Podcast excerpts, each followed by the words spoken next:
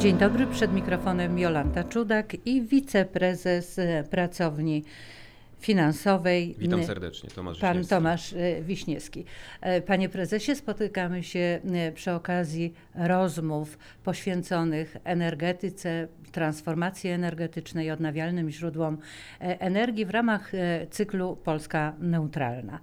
E, Zanim przejdziemy do działań e, firmy, która już odniosła e, kilka sukcesów na m, e, rynku energetyki odnawialnej, m, e, to chciałabym, żeby w kilku słowach Pan scharakteryzował działalność firmy, jej profil, bo m, e, przyznam, że pracownia finansowa może nam się kojarzyć raczej z doradztwem niż z inwestycjami. E, Owszem, e, jest to bardziej uniwersalna nazwa niż e, mogłoby wskazywać, mógłby wskazywać na to temat dzisiejszej rozmowy, czyli OZE. Natomiast zaczynaliśmy właśnie od budowy elektrowni wiatrowych w modelu obywatelskim, czyli takim, gdzie drobni inwestorzy albo też trochę więksi inwestorzy składają się w sumie, składają się mm, kapitałowo na to, żeby wybudować taką jedną dużą elektrownię wiatrową. Model crowdfundingowy, czy też finansowanie grupowe, różne nazwy na to e, powstały. E, Model zaczerpnięty zresztą z zachodu, gdzie już od dawna e, funkcjonuje w Polsce. Zaczęliśmy to robić w 2011 roku. Pracownia powstała w roku 2013 jako spółka ZOO.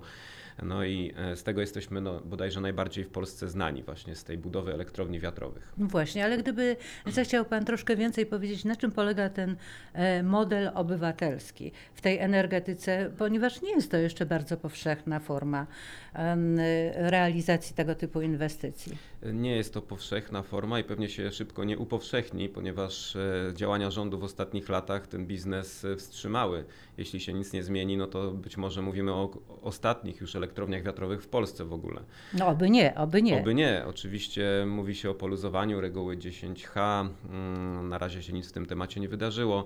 Jeśli się wydarzy, e, powstaną czy pojawią się nowe możliwości, nowe miejsca pod wiatraki. My e, obecnie Mhm. mamy ostatnie e, w Polsce projekty z pozwoleniami na budowę, czyli takie mm, elektrownie, które jeszcze można wybudować na starych zasadach. Nowe uniemożliwiają właściwie znalezienie już nowych lokalizacji.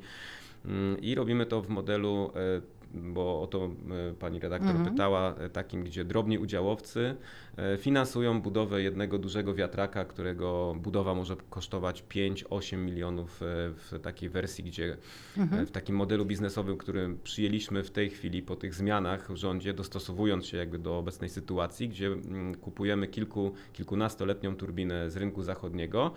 Nie potrzebujemy na to w związku z tym kredytu, nie potrzebujemy dotacji ani wsparcia, które no, były kiedyś, potem rząd zmienił zasady e, i, i, i, i zabrał tego typu e, zachęty do budowania odnawialnych źródeł energii. No właśnie, i czy to jest największą przeszkodą, że nie ma takiego stabilnego finansowania tego typu inwestycji, E, bo wiadomo, że energia z elektrowni wiatrowych jest dużo tańsza niż Jasne. no, powiedzmy energia z tradycyjnych paliw produkowanych e, z węgla. Tak, a biorąc pod uwagę jeszcze skutki e, Zanieczyszczenia klimatu, tak, i, i zdrowotne, emisji. to już e, w ogóle nie mamy o czym mówić. Największą przeszkodą w budowie elektrowni wiatrowych to jest to, że nie można w tej chwili znaleźć miejsc pod wiatraki przy obecnych przepisach, ale gdyby nawet tak było, Mhm. to oczywiście brak finansowania, brak wsparcia, brak dotacji także przeszkadza i w tej chwili można budować, czy opłaca się budować jedynie w oparciu o używane maszyny. Mhm. E, Kupując nowy, fabrycznie nowy wiatrak, e, który kosztuje na przykład 9-10 milionów złotych, mm, rentowność byłaby nieatrakcyjna dla e, potencjalnych inwestorów. A czy to, że ta technologia nie jest najnowocześniejsza, no, skoro kupujemy siłownie używane, te turbiny, czy to nie odbija się potem na jakości produkcji energii?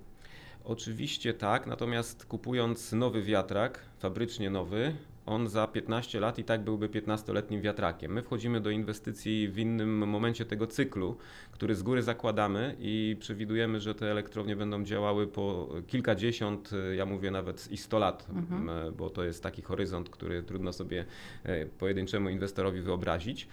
Mm, bo przy założeniu, że cyklicznie będziemy wymieniali te turbiny na nowsze, wydajniejsze, e, licząc na to, że za te kilka lat ten zielony ład, który wszędzie już na świecie praktycznie zapanował, także dojdzie do Polski e, i będą zachęty do tego, żeby wymieniać turbiny już działające na nowe z kredytem, z dotacją i wtedy z tego kredytu skorzystamy i zwiększymy rentowność i wartość spółek.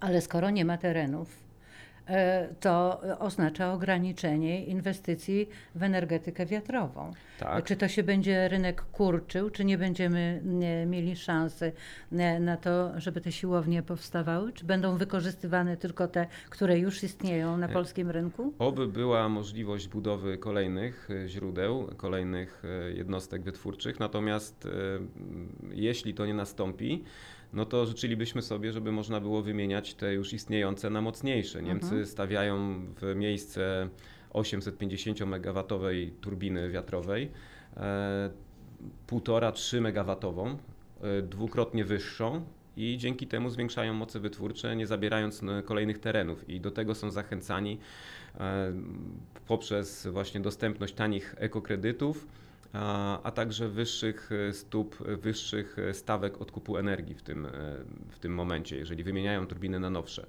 Oby tak było i u nas, bo właśnie nie zabieramy wtedy mm, kolejnych terenów, a zwiększamy moc produkowaną z, danego, z danej lokalizacji. Mhm. Czy w tej chwili są realizowane jakieś inwestycje e, związane z energetyką wiatrową e, w państwa, e, z Państwa udziałem? Tak, budujemy w tej chwili kilka nowych elektrowni, właśnie korzystając z tego, że mamy pozwolenia wydane jeszcze na starych zasadach.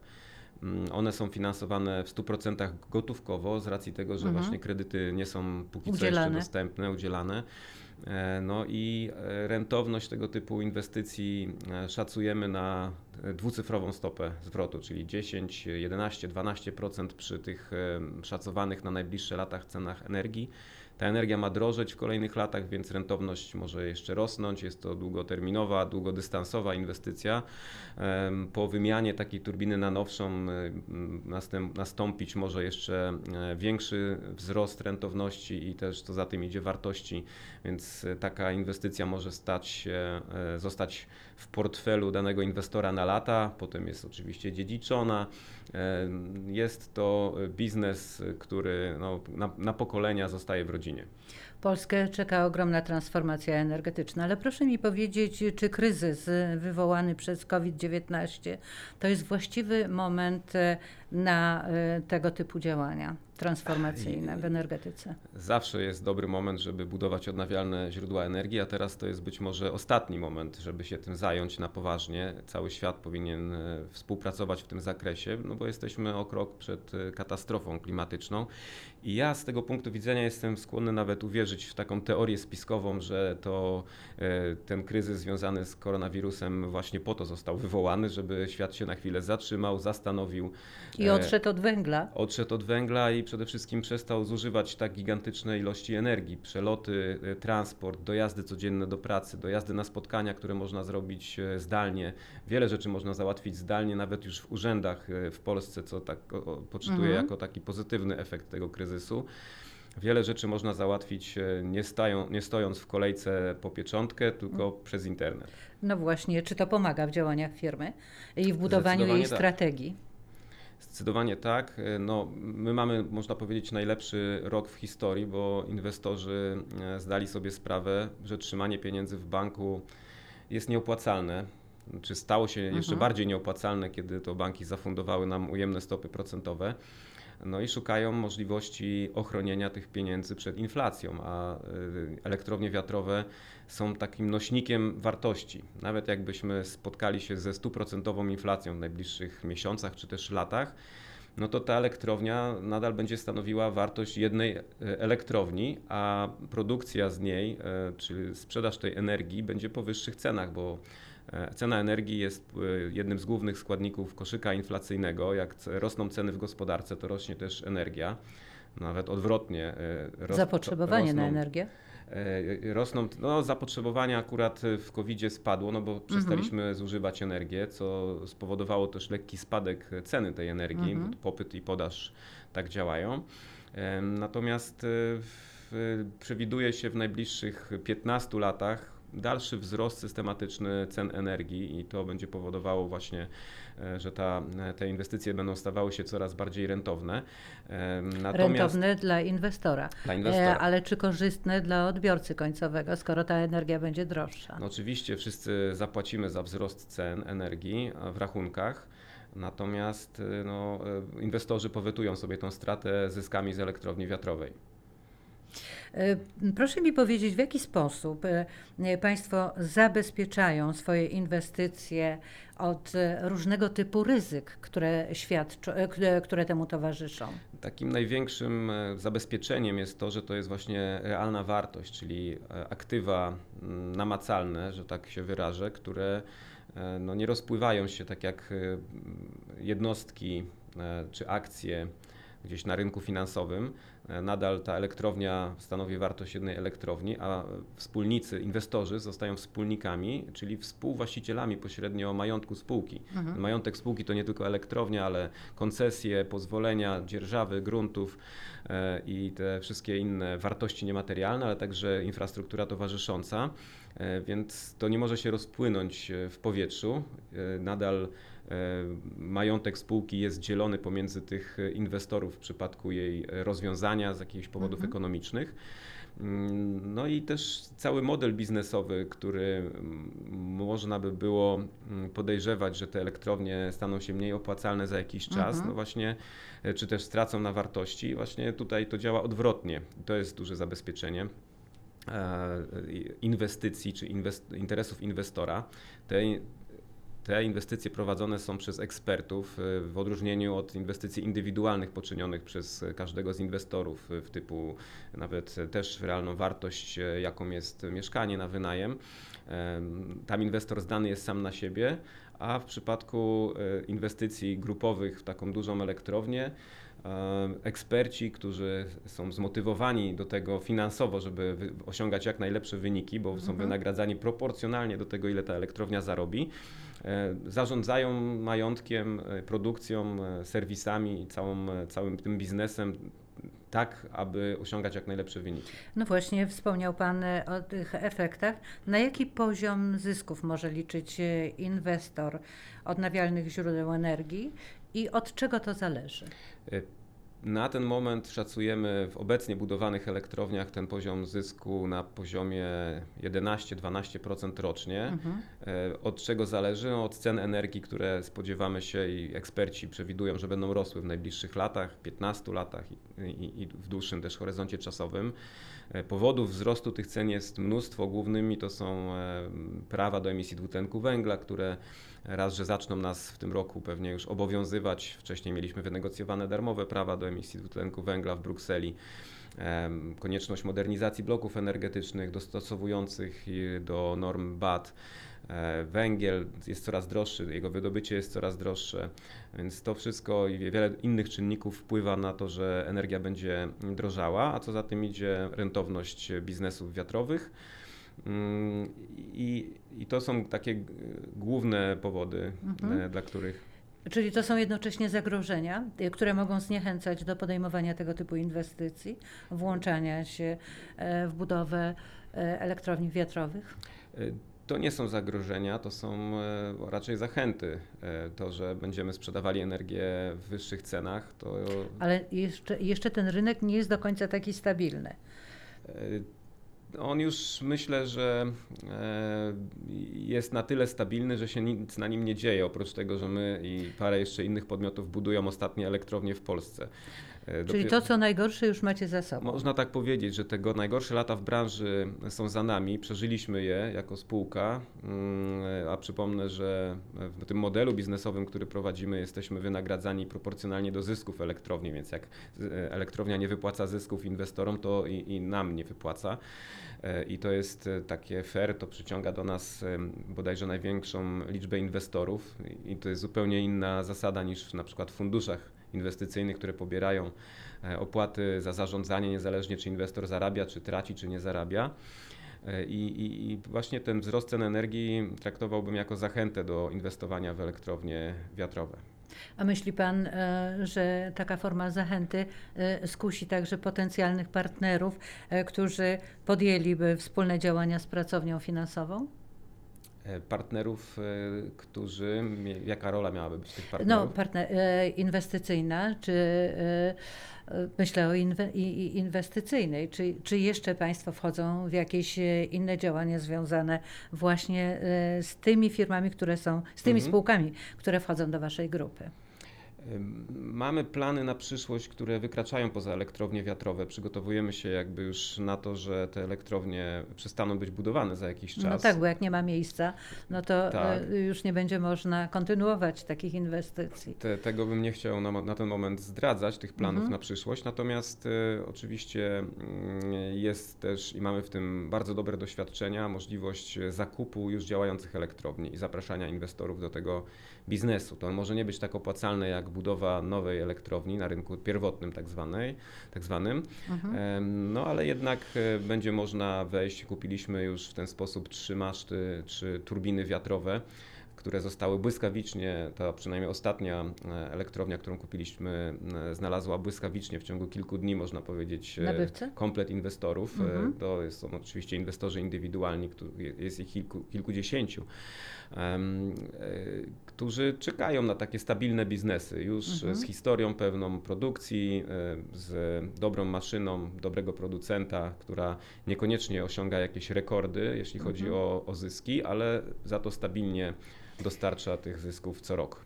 E, firma, pracownia finansowa również wychodzi poza rynek polski, prawda? Także staracie się pozyskać swoich partnerów, inwestorów na Ukrainie. Tam raczej budujemy elektrownie wiatrowe, a mhm. mimo tego, że dopuszczamy taką możliwość, dopuszczaliśmy, no to jednak finansują tą, tą budowę głównie inwestorzy z Polski. Mhm. A jaka jest różnica między rynkiem polskim a ukraińskim? Który jest bardziej opłacalny, kuszący dla rozwoju tego typu e, inwestycji? Zdecydowanie bardziej opłacalny jest rynek ukraiński. Ukraina proponuje jedne z najwyższych e, odstawek odkupu, gwarantowanych stawek odkupu energii w Europie więc te zyski tam prognozowane są bardzo wysokie. Natomiast e, no jeszcze te elektrownie budujemy, dopiero powstają. W mhm. styczniu wyjeżdża transport dwóch pierwszych maszyn. Do które, jakiej miejscowości? Do, Rosi, do Brosin. Mhm. To jest tuż za polską granicą, więc niedaleko e, trzeba jechać. Wiadomo, Ukraina jest ogromna, ale, ale na szczęście e, nasze elektrownie są, będą zlokalizowane blisko i będzie tam e, łącznie 7 masztów. Taki park wiatrowy tam zbudujemy. Mhm. A, e, co trzeba by było zmienić w Polsce, żeby e, również wprowadzić takie podobne zasady, jak obowiązujące na Ukrainie, czy żeby zyskowność, rentowność i opłacalność tego typu inwestycji dla e, tego potencjalnego inwestora, który odprowadza tę nadwyżkę energii do sieci, była korzystniejsza niż jest u nas? No, opłacalność e, inwestycji na Ukrainie wynika właśnie ze stawek gwarantowanych odkupu energii, więc jeśli u nas by wprowadzono takie stawki, to zdecydowanie byłoby to zachęcające do tego, żeby budować elektrownie wiatrowe, abstrahując od tego, że nie ma miejsca, no tak. musiałoby iść w parze z odblokowaniem e, tych, tych, tych lokalizacji, które jeszcze potencjalnie się nadają do wybudowania elektrowni wiatrowych. Powiem e, tak dla porównania, że e, eksperci przewidują, że w Polsce w 2014 roku cena energii dobije do 400, przekroczy nawet 400 zł za megawattogodzinę, mówię o cenie hurtowej, czyli za 15 lat, a tam w tej chwili już takie ceny gwarantowane na okres 15 lat Ukraina oferowała. Czy środowisko nie może wystąpić z taką propozycją do regulatora, e, żeby zastanowił się nad e, wprowadzeniem e, podobnych rozwiązań w Polsce. No bo chodzi o to, żeby wszyscy mieli korzyść z produkcji tej energii na z pewno, wiatru. Na pewno może, tylko pytanie, czy zostanie wysłuchane, bo ta sprawa ciągnie się od wielu, wielu lat. Najpierw za poprzedniego rządu 6 lat była opóźniona ustawa o odnawialnych źródłach energii. Potem przyszła dobra zmiana i uchwaliła ją w jedną noc, można powiedzieć, ale w takim kształcie, że zablokowała całkowicie możliwość rozwoju i budowy e, mhm. elektrowni, ograniczyła opłacalność tych już istniejących. E, no, można powiedzieć, że za poprzedniej ekipy, ekipy, mimo że e, rząd bał się górników, którzy tutaj grozili przyjazdem do Warszawy i paleniem opon, liczyły się też głosy oczywiście, no to jednak powstawały te elektrownie. Byliśmy w pewnym momencie zieloną wyspą na mapie Europy, jeśli chodzi o wzrosty, przyrosty mocy w odnawialnych źródłach energii. No, od paru lat tych elektrowni po zmianie ekipy rządzącej nie przybywało. Spadliśmy e, mocno, jeśli chodzi o udział w miksie energetycznym zielonej energii. Mieliśmy według Unii Europejskiej do 2020 dobić do 15%. E, spadliśmy, ponieważ nie przybywało nowych mocy do 10 około. E, no i teraz wychodzi na to, że będziemy przez wiele lat jeszcze gonić tego króliczka, nigdy go nie złapiemy albo długo go nie złapiemy, ponieważ no, mówi się wprawdzie o odejściu od węgla, od węgla tak. ale to trwa y, no, 30 lat słyszymy, tak, że do 2049 będą zamykane kopalnie stopniowo. Unia w międzyczasie jeszcze podniosła nam wymagania co mhm. do, mówię o wszystkich krajach członkowskich, Polska miała i być może będzie nadal miała preferencje w tym zakresie. Ponieważ Jeśli chodzi o udział energii udział odnawialnej energii. w miksie energetycznym. Tak, bo cała Europa do 2020 miała mieć 20%, my 15%. Mhm. Czyli była, był ten okres przejściowy.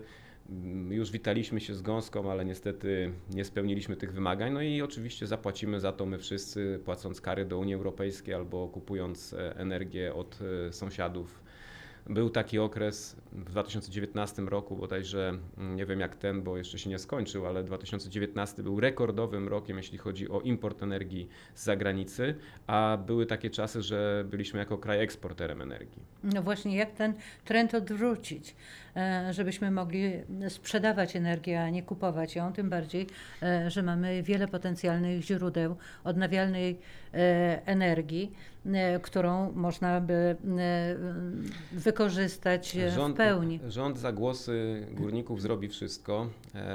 Teoretycznie jesteśmy dużym krajem, oczywiście, to praktycznie nawet, ale e, teoretycznie moglibyśmy przy pewnych założeniach zadowolić się tylko źródłami odnawialnymi czy to woda, czy wiatr, czy słońce, które e, tak jak węgiel, które ten argument był podnoszony przez, przez wielu, jest krajowym naszym paliwem lokalnym, więc wspierajmy e, i bądźmy niezależni energetycznie, no ale przecież woda, wiatr i słońce też są nasze krajowe. No, nikogo nie musimy tego importować. Kwestia tylko decyzji i budowy e, infrastruktury, która będzie pozyskiwała i magazynowała tą energię, a to się staje coraz bardziej możliwe wraz z rozwojem technologii magazynowania, mm, więc przyszłość leży właśnie w odnawialnych źródłach energii i nikt z tego nie zatrzyma.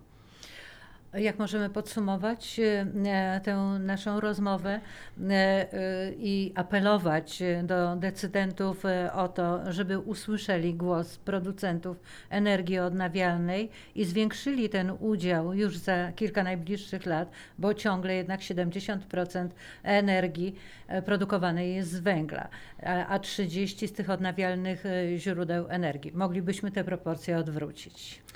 Każdy mm, powinien wziąć odpowiedzialność za przyszłość e, jakości powietrza, jakości klimatu, w którym będziemy żyli. Jeśli nie ma możliwości samemu produkować energii odnawialnej, czy to w formie e, paneli fotowoltaicznych, e, czy innego sposobu pozyskiwania, buduje się też przydomowe wiatraki chociażby, no to może dołączyć się do takiej inwestycji grupowej, póki one jeszcze są dostępne, wspierając w ten sposób rozwój. Jeśli ma ktoś do wyboru inwestycje, mm, zaznaczam dla porównania też w realną wartość nie, na rynku kapitałowym, e, która może i osiąga nawet podobne stopy zwrotu, ale nie chroni albo wręcz szkodzi środowisku naturalnemu, no to jestem przekonany, że każdy wybierze zdroworozsądkowo taką inwestycję, która e, jednak pomaga to, to środowisko ochronić. Można brać e, przykład e, z pracowni finansowej, która dba o klimat, dba o czyste powietrze. Ostatnia nagroda przyznana Państwu e, w grudniu, czyli Symbol- kilka dni, Symbol, symbol finansowych. właśnie e, 2020 Tak jest. e, jest drogowskazem do tego, że można to osiągnąć, można dbać o czyste powietrze i jednocześnie na, zarabiać na inwestycjach e, realizowanych przez firmę. Cieszymy się, że zostaliśmy docenieni przez kapitułę symbolu 2020.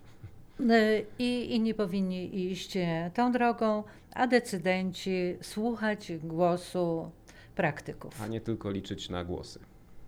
E, I proszę mi jeszcze tylko powiedzieć, jakie regulacje powinny być e, jak najszybciej wprowadzone, żeby można było uzyskać ten balans energetyczny w kraju. Powinny po pierwsze być odblokowane lokalizacje, które umożliwiają wybudowanie w po- sposób bezpieczny, zaznaczam, e, nowe, nowych e, mocy wytwórczych. Czyli w odpowiedniej odległości również od, od zabudowań. zabudowań. Kiedyś e, funkcjonowała reguła, która określała mm, poziomem hałasu, to jak daleko może być zlokalizowana jednostka wytwórcza od Mhm. zabudowań. Sztywna e, odległość 10 H nie ma nic wspólnego ze zdrowym rozsądkiem. A 10H to jest? To jest 10 wysokości wiatraka, licząc od podstawy do czubka łopaty, od zabudowań. No to jest 2 km czasami. Rozumiem. To nie ma takich miejsc w Polsce, które spełniałyby te wymagania. Jak są, no to są, nie wiem, środek jeziora albo puszcza, gdzie i tak nie można No tak. wiatraka postawić. No i zachęty w postaci finansowania kredytów. Odblokowania kredytów przede wszystkim e, dla potencjalnych inwestorów. Zgadza się. Dziękuję panu bardzo. No i trzymam kciuki e, za powodzenie tych inwestycji, które są już w toku. Dziękuję bardzo.